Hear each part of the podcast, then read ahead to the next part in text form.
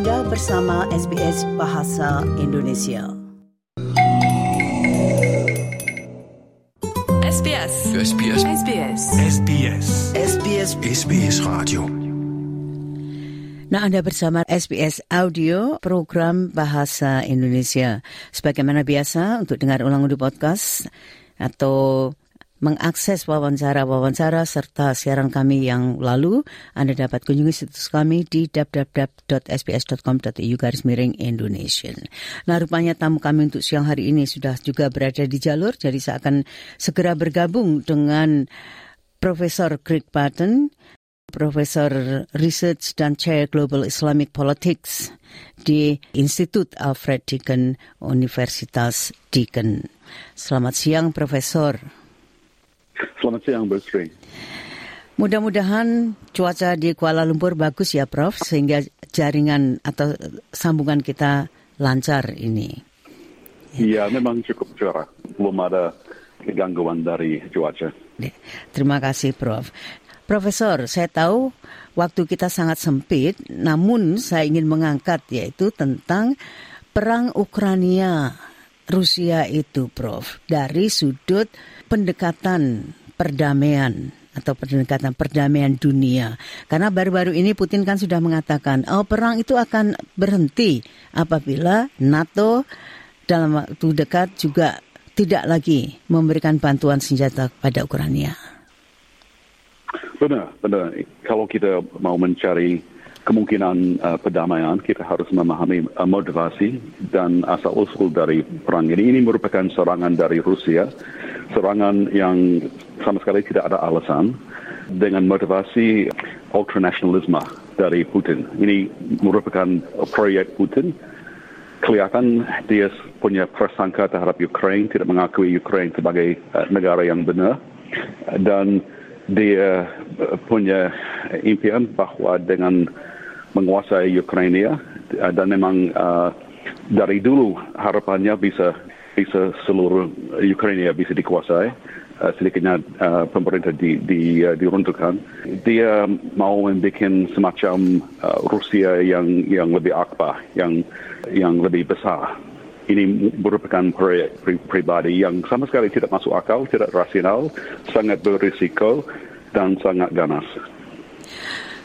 Uh, Profesor, nah baru-baru ini itu kan ada pertemuan juga kan antara Sekretaris Jenderal NATO dengan Presiden Joe Biden itu yang kalau saya mampatkan tuh intinya bahwa Sekjen NATO itu mengatakan, oh semuanya berjalan lancar, artinya itu apa yang dilakukan Ukraina itu membuahkan hasil.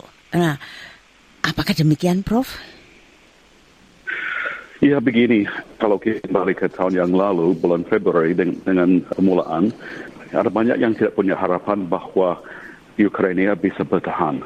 Tapi uh, kinerja Ukraina memang luar biasa dan uh, mereka sudah membukti bahwa mereka punya kemampuan, mereka punya uh, apa namanya komitmen untuk uh, membela diri. Nah, justru karena itu akhirnya anggota uh, NATO keputusan untuk membantu. Pada awalnya tidak mau. Dan akhirnya menjadi jelas bahwa tidak mungkin ada perdamaian lewat negosiasi tanpa ada semacam kemenangan uh, militer. Uh, jadi mau tidak mau, NATO sudah setahun ini berkomitmen pada membantu uh, Ukraina untuk membela diri dan mencapai semacam kemenangan. Mungkin tidak kemenangan yang total, tapi kemenangan yang berarti. Ya. Namun demikian Prof kalau kita amati Prof misalnya seperti Australia saja misalnya. Australia kan juga masih diharapkan untuk menambah bantuannya misalnya. Nah, apalagi negara-negara yang lain. Nah, itu bukankah ini nantinya akan bertentangan dengan rakyat negara-negara itu, Prof? Sebenarnya enggak. Mau tidak mau, ini merupakan salah satu kasus perang yang yang atau dengan membela diri ya uh, Ukraina punya punya motivasi yang murni dan punya uh, mereka memang dalam keadaan yang sangat sempit tapi mau tidak mau harus membela diri dan dengan membela Ukraina kita juga membela kalau kita bekerja sama dengan Ukraina membela demokrasi dan Eropa yang yang bebas. Secara teknis memang Ukraina belum masuk ke NATO, belum diakui sebagai anggota anggota NATO. Secara dipikir, ya, ini merupakan proyek untuk membantu Ukraina. Memang tidak perang yang langsung antara NATO dan Rusia, tapi yang sudah menjadi sangat jelas, kalau Ukraina tidak dibela, tidak dibantu, memang mereka harus, harus membela diri, tapi kalau, kalau, kalau dibantu dengan uh, perawatan dan yang diperlunya. Persenjataan. Uh, bu, bukan, ya, ya, memang bukan bukan saja Ukraina yang terancam, uh, mungkin pihak Putin akan akan mencari uh, sasaran yang lain dan ini merupakan ancaman yang eksistensial untuk Eropa yang uh, demokratik itu. Ya, uh, Prof ini ini bukan lucu tapi dari anggota NATO yang mengelilingi Rusia itu negara-negara NATO yang mengelilingi Rusia itu memang dapat saja seperti Profesor katakan tadi mereka akan merasa terancam itu kalau misalkan Ukraina kalah ibaratnya gitu. Tapi dari Rusia pun juga mengatakan ya karena kami juga punya hak untuk ini untuk apa membela diri. Karena kalau semuanya itu misalkan Ukraina jadi masuk NATO dan sebagainya ah berarti kan dia akan dikepung itu seolah-olah. Jadi ini bagaimana membuat kecurigaan masing-masing pihak itu dapat diredakan dan mereka dapat kembali duduk di meja perundingan? Ya, kalau memang dari awal ada yang bilang bahwa proses perkembangan NATO itu merupakan salah satu alasan mengancam Rusia. Tetapi kalau dilihat dengan baik pada uh, perkembangan sejarahnya dan prosesnya, itu sebenarnya tidak masuk masuk akal. Uh, ini bukan perkembangan NATO yang merupakan alasannya, tapi ini, ini memang dipakai sebagai semacam alasan. Tapi mau tidak mau, Putin mau menyerang uh, Ukraine sudah sudah coba pada tahun 2014. Uh, tapi tidak tidak ya ya uh, dan Donbass juga, tapi tidak selesai. Kali ini tahun yang lalu Putin punya punya keyakinan bahwa dengan gampang ya, Kiev itu bisa bisa dijatuhkan, pemerintah bisa dijatuhkan, tidak jadi. Uh, perkembangan NATO itu sama sekali tidak ada hubungan.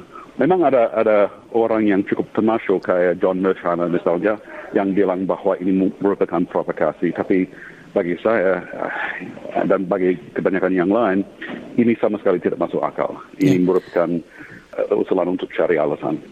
Profesor, tadi sudah me, sudah mengangkat perang itu Crimea itu pada tahun 2014. Nah, memang kan di beberapa daerah itu daerah di Ukraina itu kan memang banyak sekali orang-orang yang menggunakan menggunakan bahasa Rusia atau etnik Rusia. Nah, jadi ini bagaimana caranya supaya mereka itu juga netral? Apakah harus segera diadakan referendum lokal begitu, Prof? Ya, ini sebenarnya cukup rumit. Nah, di Ukraina ada banyak yang bahasa ibunya bahasa Rusia. Uh, ada minoritas yang cukup besar. Dan kalau bahasa Ukraina pun cukup dekat dengan bahasa Rusia. Jadi ada ada sejarah yang yang sangat sangat erat dan sangat dekat. Nah, uh, menurut social survey, survei sosial Uh, memang kalau 15 tahun yang lalu ada cukup banyak orang yang bahasa ibunya bahasa Rusia lebih apa namanya cenderung untuk mendukung Rusia. Tapi dengan invasi mulai tahun 2014 itu kebanyakan orang yang memakai bahasa Rusia uh, sangat marah terhadap Rusia. Dan memang dalam keluarga ada keluarga yang yang belah.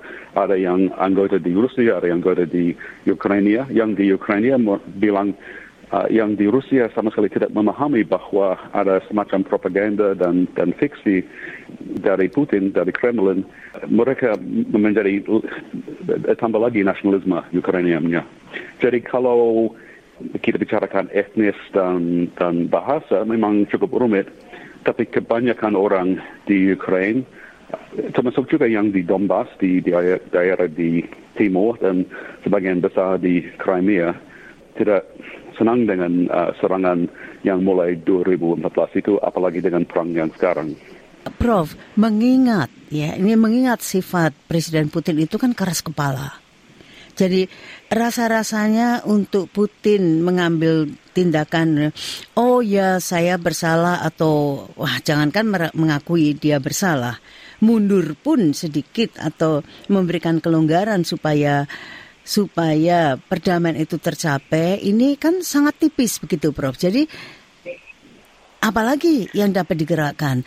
Dapatkah misalnya rakyatnya yang digerakkan Prof? Kalau melalui rakyatnya bagaimana? Ya ini masalahnya, ini uh, tragedi di Rusia.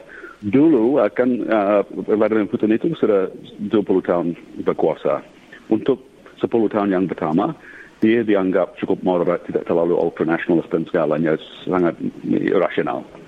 Tapi dalam uh, 10 tahun belakang ini, ada perubahan besar. Dan sejak mulai uh, perang di Ukraine tahun yang lalu, sudah ada perubahan yang sangat signifikan yang terjadi di Rusia. Dulu ada media, ada koran-koran, stasiun televisi dan segalanya, radio yang cukup mandiri, bisa mengeritik Kremlin, mengeritik uh, Putin kalau kalau ada alasan.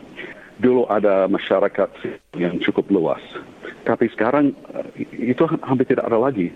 Sekarang uh, Rusia uh, yang dulu menjadi uh, ya, tidak merupakan demokrasi yang sehat, tapi tidak merupakan negara yang totalitarian. Rusia hari ini sudah menjadi lebih lebih mendekati uh, titik menjadi totaliter uh, menjadi uh, negara totalitarian. Tidak ada ruang buat uh, masyarakat sipil, tidak ada ruang uh, media yang yang mandiri, yang mengkritik kalau para uh, cendekiawan atau artis atau penulis yang mengkritik mereka uh, ditangkap, dihilangkan, ya, ya. dihilangkan adik-adik, dan ada ada lebih dari sejuta orang yang melarikan diri keluar Rusia. Kalau mereka melarikan dan berhasil tidak apa-apa, Prof. Tapi kalau melarikan dan gagal, nah itulah yang ya, uh, memang, kasihan. Dan, dan dan saya sangat uh, secara pribadi saya sangat kritis terhadap uh, Putin dan serangan Rusia tapi kasihan yang menjadi konkret.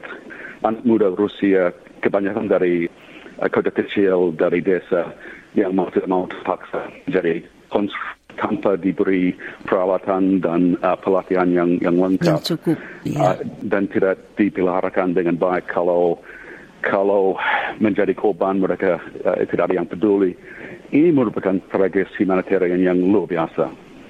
Ya, samanya untuk uh, pihak Ukraina tapi juga untuk uh, rakyat Rusia.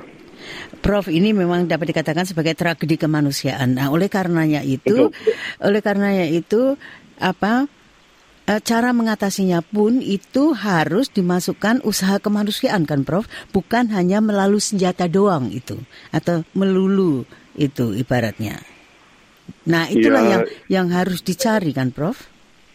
Itu salah satu unsurnya, tapi ini merupakan salah satu kasus dalam mana ada perang yang sama sekali tidak adil dan bukan saja bahwa uh, rakyat Ukraine ada hak untuk membela diri, mau tidak mau kalau mereka tidak membela diri, mereka akan dihapuskan dan negaranya akan dihapuskan. Jadi sebelum bisa ada perdamaian yang berarti, harus ada kekalahan militer pada pihak Rusia. Kalau enggak jadi gitu, um, sejarah akan berulang lagi.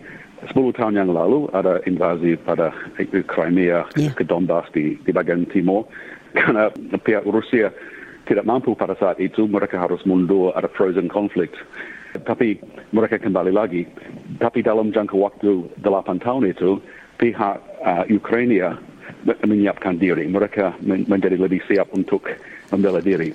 Mereka sudah sangat sadar dan mereka melihat warga negara Ukraine yang menjadi korban dalam daerah yang sudah diokupasi oleh pihak Rusia bahwa pengalamannya sangat sangat tragis. Uh, pihak Rusia sangat ganas kurang kurang baik.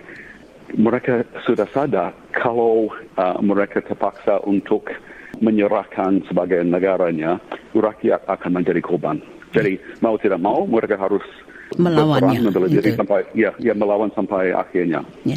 Prof, ini jawabannya mungkin 40 detik begitu, Prof.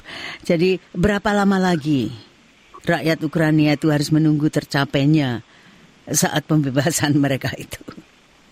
Ya, ada kemungkinan sampai pada akhir tahun ini sudah mendapat status frozen conflict lagi. Jadi mungkin pihak Rusia tetap di Donbass di daerah timur, mungkin juga di Crimea. Tapi ada ada kemungkinan uh, bahwa Ukraine bisa menyerang sedikitnya untuk memblokir akses kepada uh, Crimea. Jadi mudah-mudahan sebelum uh, musim dingin pada akhir ya. tahun sudah ada semacam ya mungkin tidak selesai bisa jadi menjadi frozen conflict unresolved ya. Tapi mereka sudah menyiapkan diri untuk jangka panjang. Profesor Greg Barton, terima kasih sekali Bapak atas penjelasannya dan selamat bertugas Bapak. Terima kasih banyak.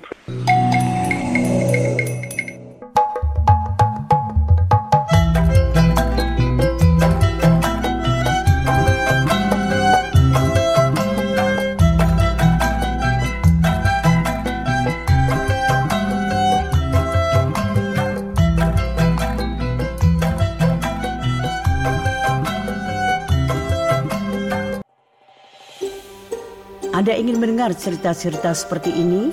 Dengarkan di Apple Podcast, Google Podcast, Spotify, atau di mana pun Anda mendapatkan podcast Anda.